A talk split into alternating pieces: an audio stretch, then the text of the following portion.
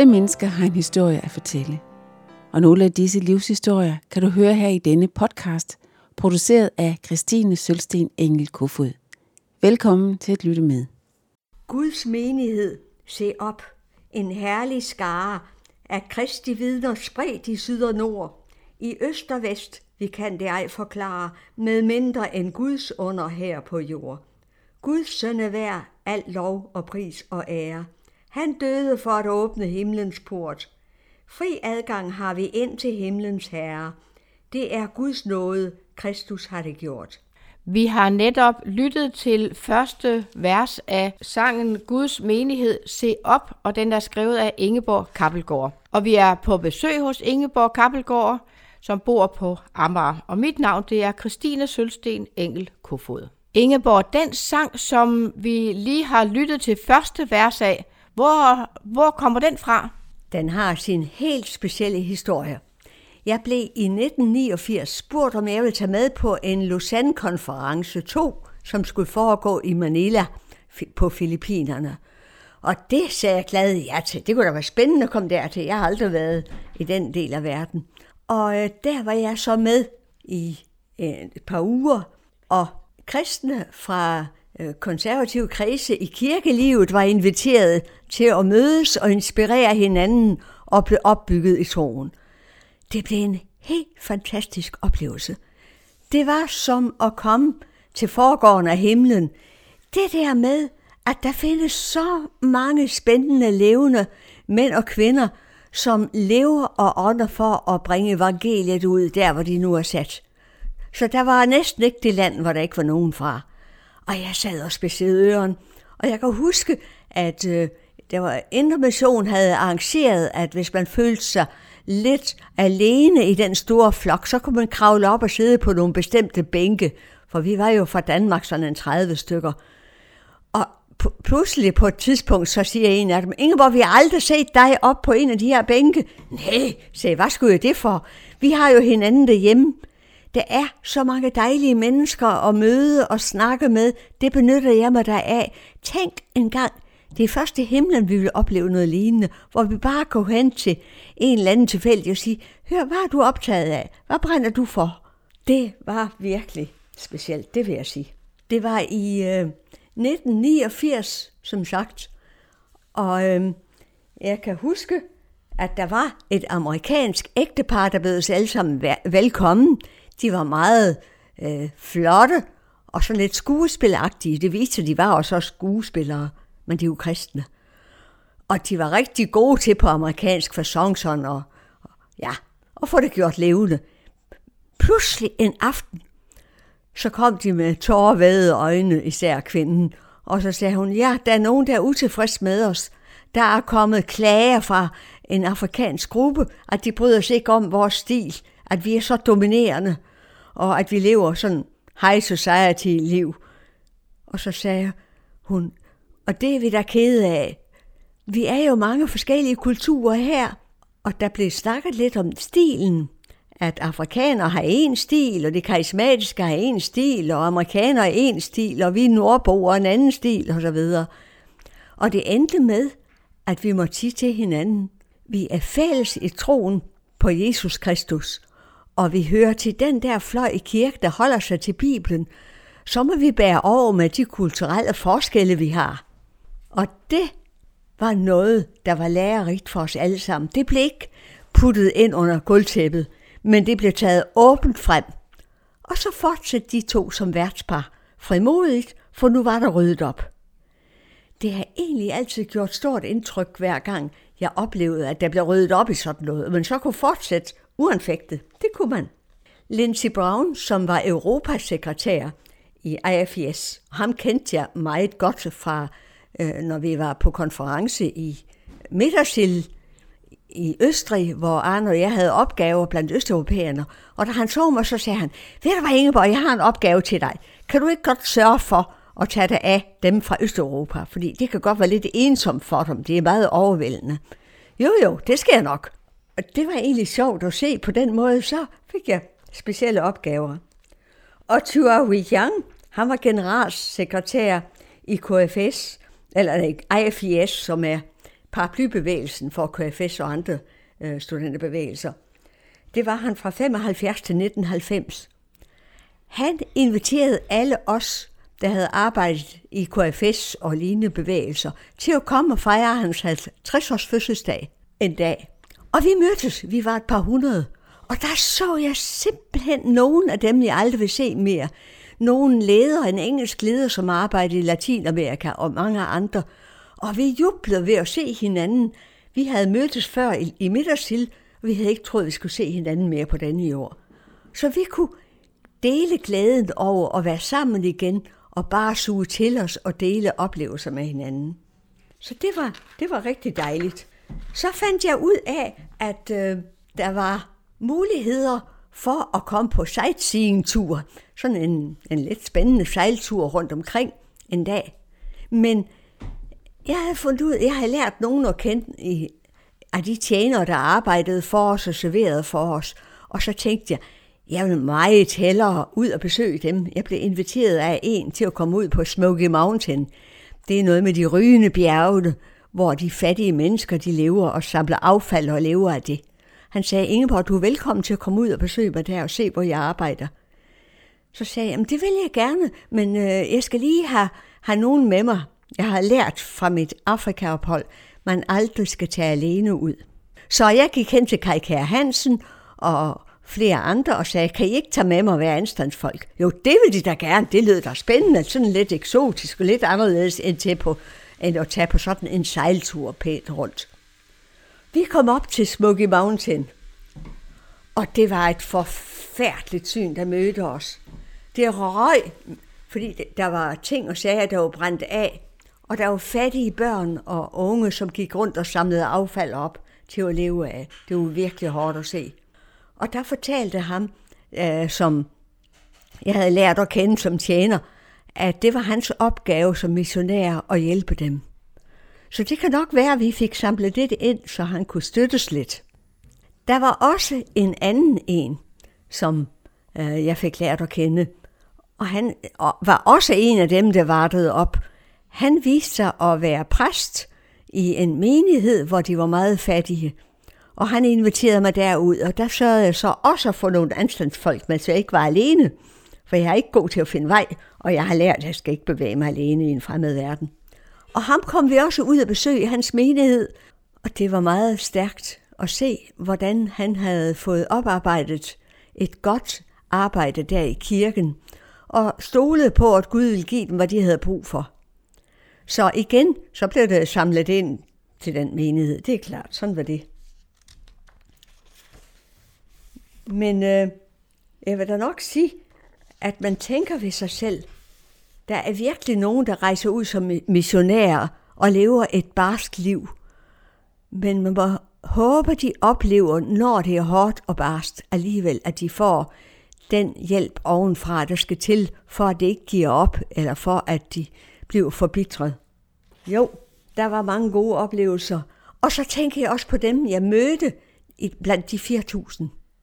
Jeg har for eksempel sådan et lille kort liggende i min bibel fra en indisk kvinde, som arbejdede i, uh, i Calcutta, og hvor hun fortalte om sit arbejde til mig. Hun havde sådan nogle små kort at dele ud af, og fortalte, at uh, det var det, der fyldte hende og hjælpe alle de der stakkels kvinder, som på en eller anden måde var glemt eller forkastet og ikke havde noget at leve af. Men jeg tænker der også på sådan en som øh, den kære kvinde, amerikaner, som vi er mange, der har læst om og glædet os over, står i et stort arbejde. Hun er handicappet herfra og i resten af kroppen. Joni, ja, Eriksson Tadar. Hun var der, og hun holdt et fantastisk indlæg. Og hun fortalte, det er svært at være handicappet, fordi mange ved ikke, hvordan de skal gebære sig over for en, og man må leve med det kors hele sit liv. Selv blandt kristne kan det være svært, fordi vi er så aktive og har så travlt, så det er lettere at gå forbi de handicappede.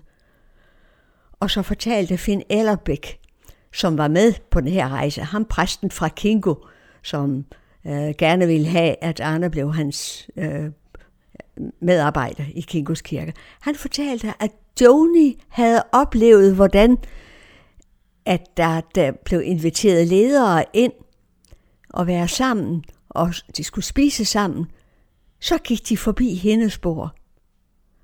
Jeg mener, han satte sig ved siden af hende. Men igen, det ligger dybt. Hvem får jeg mest ud af at snakke med? Mere end, hvem er det, der lige sidder og er til overs? Og jeg har tænkt mange gange på det side, hvor er det vigtigt at have det med sig. Ikke så meget at tænke på, får jeg nu det hele med? Får jeg nok af lavkagen? Men mere tænker, hvem er der her, som står alene? Da vi skulle vælge seminarer, så var der jo mange seminarer, der var meget populære. Men jeg husker, jeg valgte en, øh, der, øh, hvor man havde øh, mulighed for at høre om nogen, der arbejder blandt fremmede, og dem, der har store problemer. Og da jeg kom derind, så var der kun en mere for uden mig. Og det var en præst, som arbejdede i Sydafrika. Og lidt efter så kommer der en anden en af delegaterne ind for at se, hvor mange der var på det her hold. Og han fik sig et chok, så sagde han, hvad? Sidder I kun to her? Og så sagde han undskyld, ham der skulle holde øh, det øh, møde der. Ja, men det gør ikke så meget, for vi har det godt, og det er nogen, der er meget interesserede. Tænk, så viste det sig. Den mand, han var teolog, havde haft en flot professorstilling på øh, et teologisk fakultet, men han havde så oplevet Guds kald til at blive præst i en menighed, hvor der øh, både var hvide og sorte. Og det var ikke populært. Og det betød, at venner og bekendte vendte ham ryggen. Hans kone og børn gjorde ikke, og nærmest familie gjorde ikke, men alle andre vendte sig fra ham.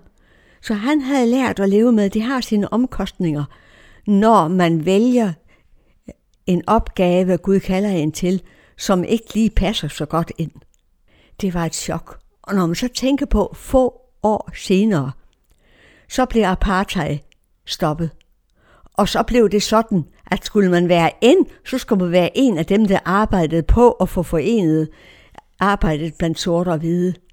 Han havde valgt det, mens det havde sine omkostninger, og han var en ydmyg mand, der ikke øh, prøvede på at øh, se ned på andre, som havde valgt anderledes. Men han var bare nødt til at følge Guds kald. Da jeg fortalte ham, at øh, i København, der er det ikke så vanskelige forhold som her. Vi har en, der kommer hos os som hjem. Han er afrikaner, kommer fra Uganda, og han øh, kommer og går som hjemme hos os, og kan bare gå ind og låse sig ind. Hvad siger du? Tør I det? Det lå alligevel dybt i mig. Ja, selvfølgelig gør vi det. Vi stoler på ham, vi kender ham, og han kender os. Det er andre forhold end i Sydafrika. Og det måtte jeg jo sande og sige, heldigvis. Og det har nok ligget dybt i mig siden 89. Og tænk på den mand, der med de omkostninger alligevel valgte at være en tåber for denne verden og for alle de andre medkristne. Og så alligevel, han kunne blive chokeret over, at sådan var forholdene i Danmark. Jeg vil også godt fortælle om en anden person, jeg mødte der på konferencen. Det var en sort amerikaner. Jeg spurgte ham, hvordan er det at være som kristen uh, staffworker, ah, medarbejder i øh, kristen studenterbevægelse i vor tid. Jeg var jo i USA i 1965, og der var jeg chokeret over at se, hvor lidt kontakt sorte og hvide havde med hinanden, sådan almindeligvis i kirkerne. Åh, oh, sagde han, det har jeg længe opgivet. Hvad siger du? Jamen, der er ikke noget at gøre. Jeg synes, det er et farligt bøvl. Det var jeg ked af at høre. Der skal der nok være muligheder nogen steder, men han sukkede dybt. Så der er nogle ting, vi må sige, vi må være taknemmelige for i Danmark. Vi er et lille land, og vi skal ikke hovere over, at vi ikke har diskrimination på den måde. Vi er et lille bitte land i forhold til det store USA. Men det sagde mig lidt om, at vi udnytter de muligheder, vi har, og prøver at bruge det på en god måde. Som sagt, jeg fik oplevelser med mig fra livet. Jeg husker, når de andre i den danske delegation tog ud om aftenen på café og kunne have det hyggeligt og sjovt, så var jeg så fyldt af indtryk, og så havde jeg bare lyst til at kravle under dynen og så skrive. Så jeg sad der og skrev og skrev og skrev. Og der skrev jeg også den her sang, Guds menighed se op, en herlig skare. For det blev så stort for mig at se, at vi kunne mødes og være forskellige og mangle diplomati, men så gjort op og renset ud, og så fortsæt, som vi oplevede med de lederpar der. Det var virkelig stærkt. Efter at vi havde været der i Manila, så var vi nogle stykker, der havde lyst til at tage en tur til Hongkong. Det var ikke så forfærdeligt langt væk. Og som sagt, så øh, havde jeg jo lært, at man skal følges med nogen, når man er ude på de vilde våger. Og det kunne jo fint gå på den måde. Så vi kom til Hongkong og kom til det her center, buddhistcenter. Jeg tror, vi kan, mange af os kan huske, der er en tidligere missionær, norsk missionær, der har skrevet sangen Din rigsag Jesus være skal. Han arbejdede på øh, det center, kristne center der i Hongkong, og havde det perspektiv ind over sit liv, med hele menigheden, der står for Guds trone. Det var, det var virkelig stort at se det center, og se, hvordan man arbejdede der, og se sådan en lille bitte plet, og så rundt om var der buddhisme og alt muligt. Men midt i det øhav, der var der et kristent center. Det var dejligt at se. Og vi fik lov at være der nogle dage og opleve, hvordan de arbejdede, og oplevede, hvordan at Hongkongs befolkning, vi snakkede med nogle stykker derfra, gav udtryk for, at de var bekymrede for fremtiden. Det her, det var i 89. Og vi kan jo tænke på, hvordan det er i dag. De sagde, vi tror ikke på, at vi får frihed, selvom Kina har lovet, at de vil respektere, at vi skal have vores egne love, så varer det bare en tid, og så strammer de den. Og jeg har tænkt mange gange på nu. Vi har jo set, hvordan det er strammet, og hvordan at det virkelig ikke er frihed mere til at arbejde og gøre sådan, som man kunne før. Ja, jeg tog alle de her indtryk med mig hjem til København og til opgaverne, som jeg stod i, i kirken og andre steder. Og det er det, der har været så rigtigt i livet, at hele tiden, så var der en ny inspiration, jeg kunne få med mig og glædes over og gøre brug af. Og så synes jeg, jeg lærte noget om, at andre kristne har en livserfaring, som jeg ikke kender til, og som jeg kan nyde godt af at høre om og lære af.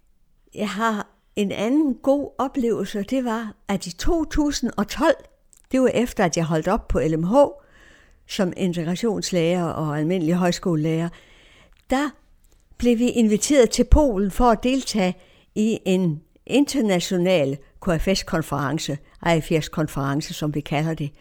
Og der blev Arne og jeg inviteret som grand old people, som de gamle i går, der arbejdede blandt jerntæppet i sin tid, og rejste ind og besøgte kristne, og rejste ud igen, og vi rejste ind og boede i Rumænien. Det var fantastisk at være med der 2012. Det var jo mange år efter, at vi selv havde været i gang i KFS-arbejdet. Og da vi kom der til Polen, så mødte vi jo også KFS'er her fra Danmark, og de, jeg kunne se på deres ansigt, de spurgte sig selv, hvad skal de der her? Så nogle gamle nogen. Og så må vi sige, vi er inviteret som æresmedlemmer, fordi vi i sin tid arbejdede blandt jerntæppet. Nå, gjorde I det? Det anede vi slet ikke. Nej, siger skidt med det. Men det gør bare godt, at IFS, altså KFS' søsterbevægelser, de gerne vil understrege glæden over, at nu er der frihed i Østeuropa, og nu skal det fejres, at der er den frihed. Og så skal vi høre lidt om, hvordan det var at arbejde dengang. En af vores ledere, eller grand old man Alex, han skulle fortælle en lille smule derfra, og ham beundrer vi meget. Vi har en bog, han har skrevet om arbejde i Østeuropa, og der fortæller han også lidt om vores arbejde, og vi har selv også øh, noget af det i vores bøger. Men at tænke på, at Alex der, han fik lov at få den glæde at se alt det, som vi synes var småt og lidt spredt fægtning i Polen, i Rumænien, i Rusland, i Sovjetrepublikkerne, det har båret frugt. Der er kristne, der var klar til at fortsætte åbenlyst i kirkerne, for de er jo blevet oplært i at skrive bibelstudier, og oplært i at holde bibelstudiegrupper i Østrig, når de var på lejr. Og nu er de i gang. Og vi kunne se i Polen der, jamen de var i stand til at få lavet en konference for hele verden.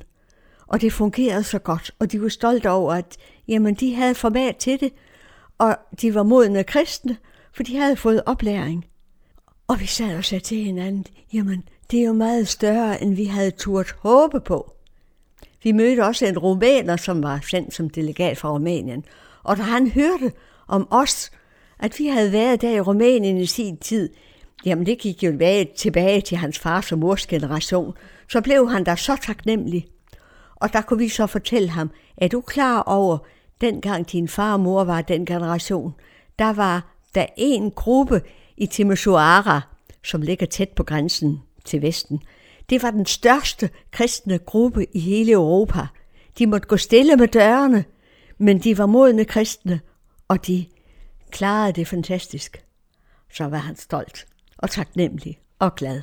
Og der i Polen, der mødte vi gamle venner. Vi mødte dem, vi har samarbejdet med i Østeuropa, så vi næsten græd, da vi skulle sige farvel. For vi vidste, vi ses ikke mere på denne jord, men vi fik lov at opleve at være samlet her og grine og græde sammen. Ham lederen Alex har været vores gode ven i alle årene. Han sagde, Ingeborg Arne, skal vi ikke mødes hver morgen til morgenkaffe, så er vi sikre på, at vi når at få en god snak. Det var den måde, vi havde lært i AFI's sammenhæng. Hvis man øh, skulle udnytte dagen rigtigt, så måtte man sørge for at aftale og mødes med dem, man ville snakke med ved et måltid. Men han ville gerne have, at det var hver dag, vi mødtes. For det var alligevel Rumænien, han havde haft en særlig kærlighed til, fordi han i sin tid kom på den sorte liste og aldrig mere måtte besøge landet. Det var derfor, vi blev sat til den opgave. Tænk, så kunne vi sidde der og glædes med hinanden over det under det var, at så mange modne kristne i Østeuropa nu tog fat. Så jeg har tænkt på senere, det er ikke mærkeligt, at det sidder dybt i os som en af højdepunkterne i vort liv, at vi mødtes der i Polen og kunne dele alle de her oplevelser. Og det betød da også, at i KFS i København, så begyndte de at spørge, om jeg kunne komme, kunne komme og fortælle lidt om mit liv. Så det har jeg gjort ved flere sammenhænge i gymnasiebevægelsen. Det har været dejligt. Vi vil nu lytte til vers nummer to af Ingeborgs sang Guds menighed, se op. Er du svag, men se dog himlens kræfter. Guds menighed har Kristus foran sig. Så løft dit blik og se på ham herefter, hvordan han kæmper for dig, baner vej.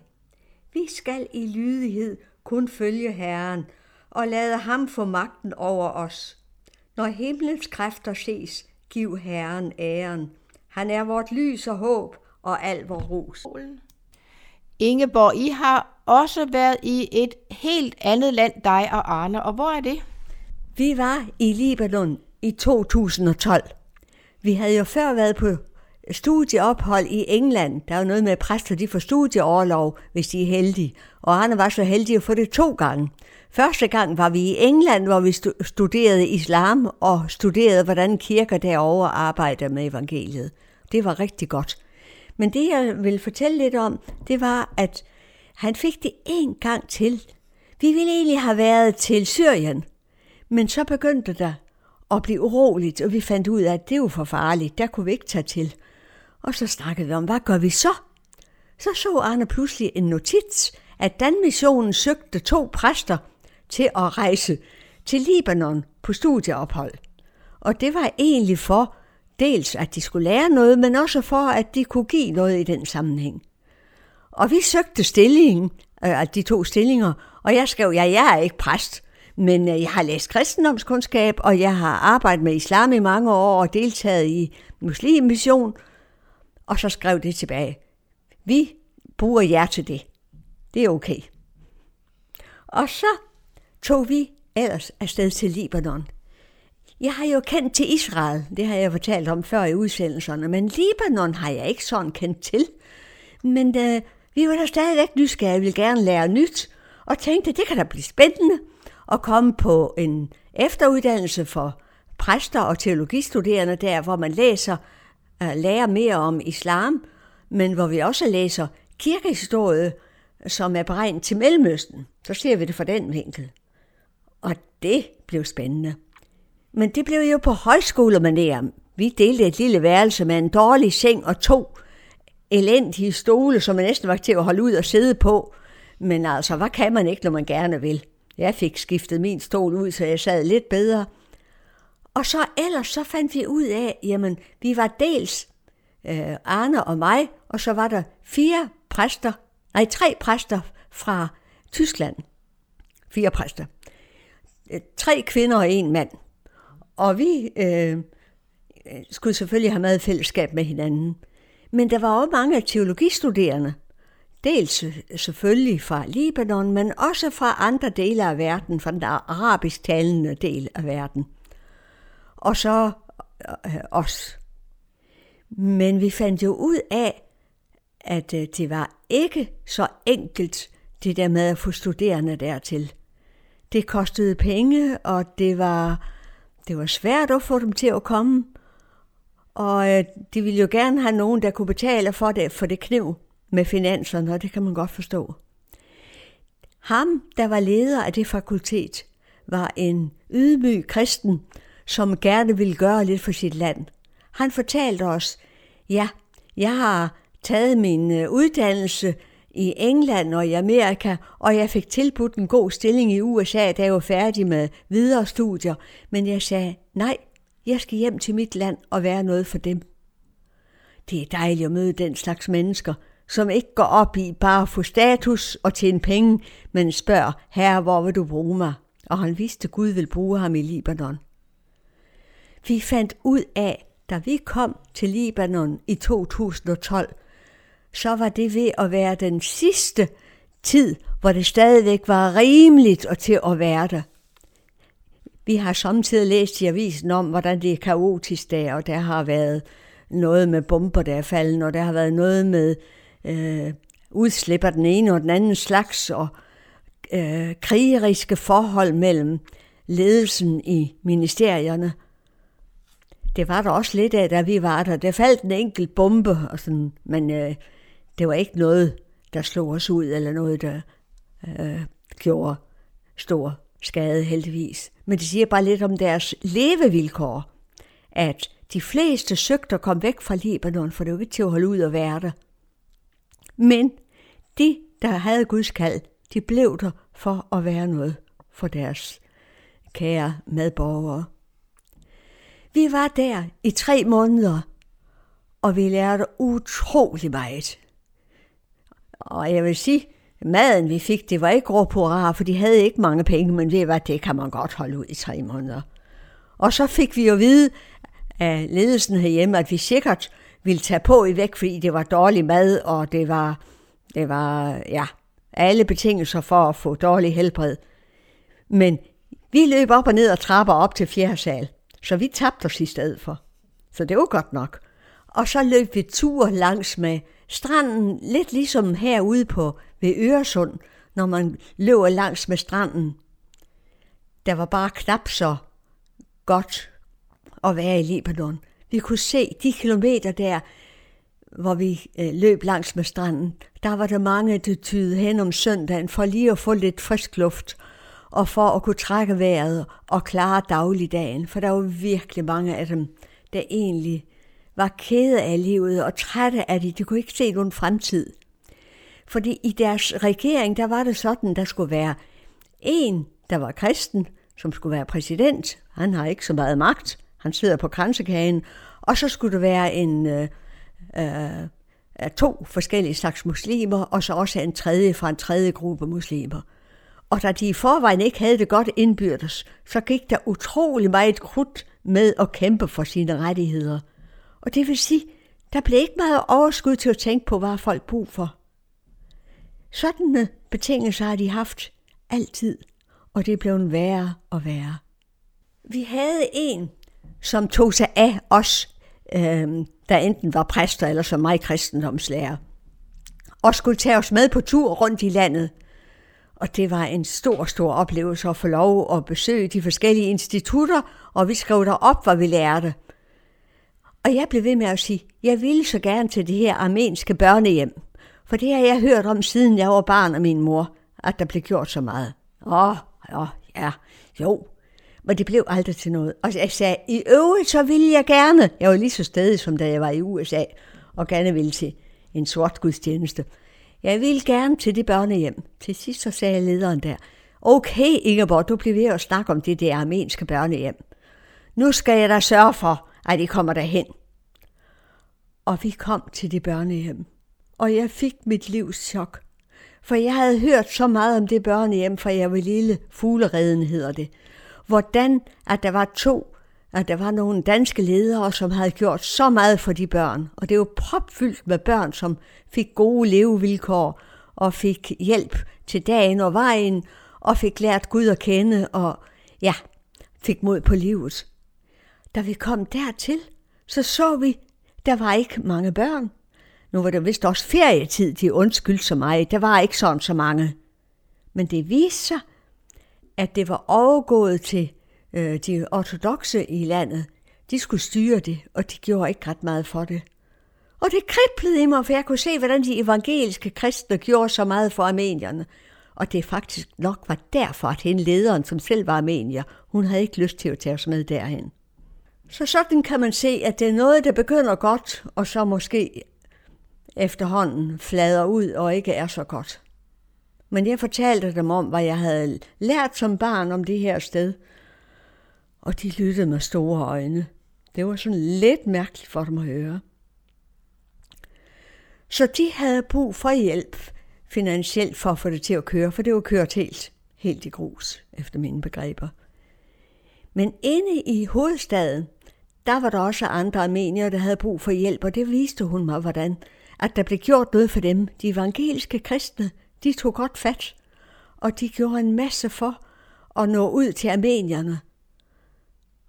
Jeg spurgte så, har I så også mission blandt andre end armenier? Nej da, for ved det hvad, hvad skal de lære armensk for? Og så begyndte jeg at forstå, hvorfor det måske er sådan, at armenier ikke har meget mission blandt andre end armenier, for sproget er så vanskeligt at lære. Det havde jeg aldrig forstået før. Men jeg glæder mig over, at noget, det hedder Armenia missionen i dag, hvor de både arbejder i Libanon for fuglereden og andre øh, bevægelser der i landet, og også arbejder i Armenien, hvor det er det ortodoxe der arbejder. Til islamundervisningen, der var der som sagt de, øh, præsterne fra Tyskland, og så Arne og mig fra Danmark, og så studieolerne fra forskellige steder i verden.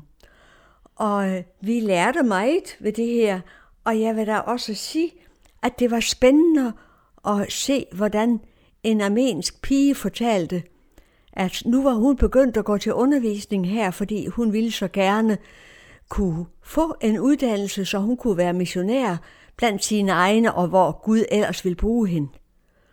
Men det havde ellers været svært for hende. Og så fortalte hun en oplevelse – og hun kom næsten til at græde, da hun fortalte det. Hun fortalte, hvordan at hendes bedstemor i begyndelsen af dette århundrede var en af de mennesker, som flygtede fra øh, Mellemøsten der, fra det armenske område der i Tyrkiet. De blev jaget ud af tyrkerne, og det var folkedrab, har man fundet frem til og jeg er ked af, at Danmark aldrig har ville indrømme at kalde det folkedrab, for det var det.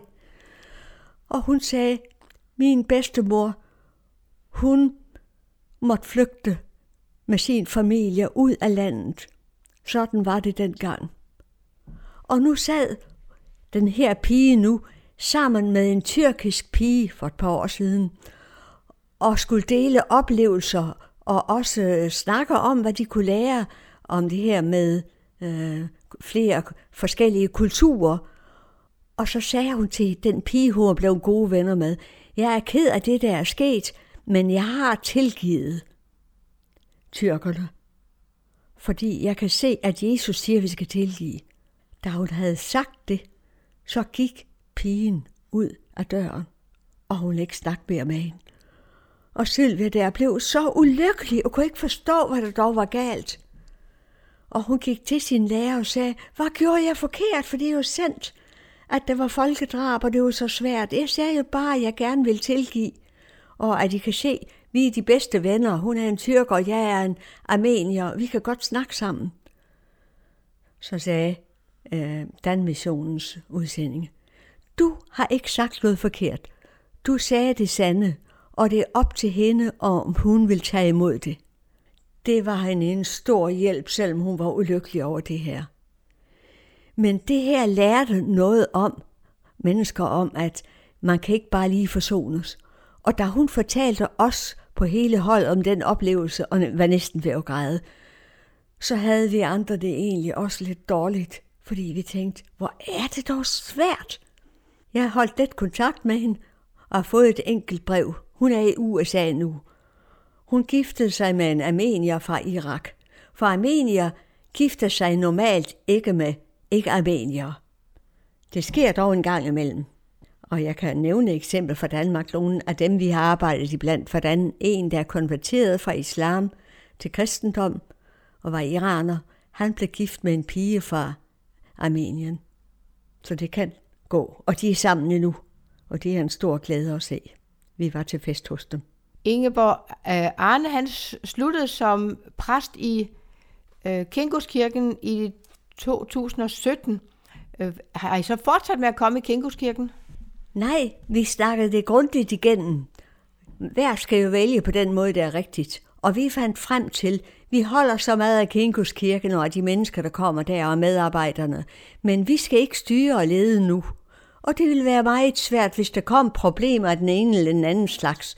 Og folk så henvendte sig til os og spurgte, hvad mener I om det? Det skal vi ikke styre. Så vi var begge to overbevist om, nej, vi skulle finde en anden kirke. Vi flyttede ud i kolonihaven, der boede vi et år, og det var koldt. Men altså, det gik, vi havde uldtøj på, og, og vi klarede det godt. Og så tænkte vi, vi ventede på, at der skulle komme en ledig lejlighed, enten på Amager eller på Frederiksberg. Og vi bad så endelig om, Gud vil du godt lede os, som du har gjort altid, og vise os, hvor det er, vi skal komme. Der gik et år, og så fik vi en lejlighed på Amager. Og så besluttede vi, jamen vi flytter derud. Og det år, vi havde ventet på at flytte derud, det brugte vi til at suse rundt i København og komme til gudstjenester i alle mulige forskellige kirker, så vi kender til de københavnske kirker. Fandt så frem til, der var flere gode muligheder i København, men vi valgte Solvang, og det er ikke fordi, at det bare var den eneste mulighed. Der havde også været andre gode muligheder. Men vi blev overbevist om, at det er der, vi skal komme. Og det gav egentlig en ro i sjælen. Det var ikke så stor en kirke. Der kom mellem 40 og 60 mennesker. Og det vil sige, det er et sted, hvor der er brug for, at øh, vi kommer og, og gør den smule, vi nu kan. Og vi er blevet så glade for at komme der. Det er rigtig godt. Og vi har da også tænkt på, jamen kommer der mon ukrainer nu, hvor det hele det blev så forrygt, og vi har da bedt om det, så sker der det ved en gudstjeneste, vi kommer til. Der er det ikke en ukrainer, der kommer, men det er en russer. Og der blev vi mindet om, Gud elsker alle mennesker. Og han var åbenbart ikke så meget vant til at gå i kirke. Han gik til dåbsundervisning hos en af præsterne der, og så havde han brug for engelsk oversættelse af prædiken. Så der blev vi engageret lidt. Og som sagt, vi søger ikke efter mange nye opgaver, for vi har nok at gøre med det der med at holde gudstjenester og holde møder og, og indtale til for eksempel det her. Og det vil vi have tid til, for det er hjertesager. Men han er så blevet lagt hen til os, og det er jo lidt spændende på den måde. Og så nyder vi ellers de her nye omgivelser, og nyder at trave ude i fælleden. Det minder mig så meget om de dansk, de der sønderjyske enge, som jeg voksede op med som, som øh, landbopige. Når jeg var med de andre ude og kiggede på markerne, Så gik de rundt for at se, om de stod godt. Far havde marker over 20 forskellige steder, og sådan var det. Så gik de rundt og kiggede, og imens så satte jeg mig på enten ned i græsset eller op på en hegnspæl, og så skrev jeg. Jeg har altid nyt at skrive. Og det har været så fantastisk, at jeg har fået frihed til det, og det har jeg stadigvæk. Så vi har et godt liv, synes jeg. Vi beder Gud fra dag til dag om at hjælpe os og lede os, og hjælpe os til ikke at være stressede, men sige ja til det, vi skal, og sige nej til det, vi ikke skal med frimodighed. Og det er det hvile i. Gerne slutte af med et vers, som er kommet til mig mange gange. Vi bruger om morgenen og citerer fra tre forskellige steder i Bibelen, vælge et eller andet, men det her, det er et fjerde sted. Det er fra Johannes evangeliet, hvor der står, Jesus siger, jeg er verdens lys. Den, der følger mig, skal aldrig vandre i mørket, men have livets lys.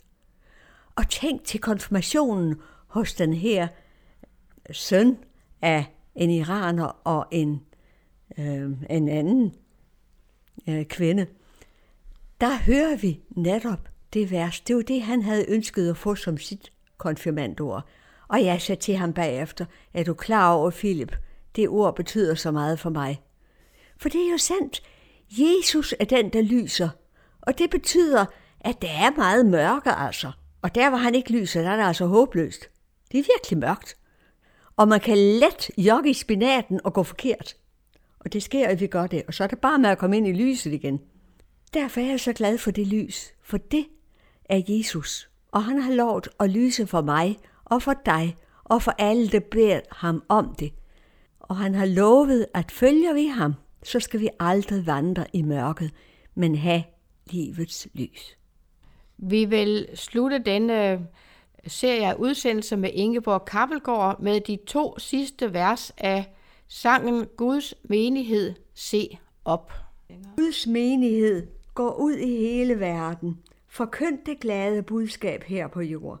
Lad Kristi nåde præge al din færden, så det må kendes, at din Gud er stor. Der sker det, Herren sprænger dine grænser.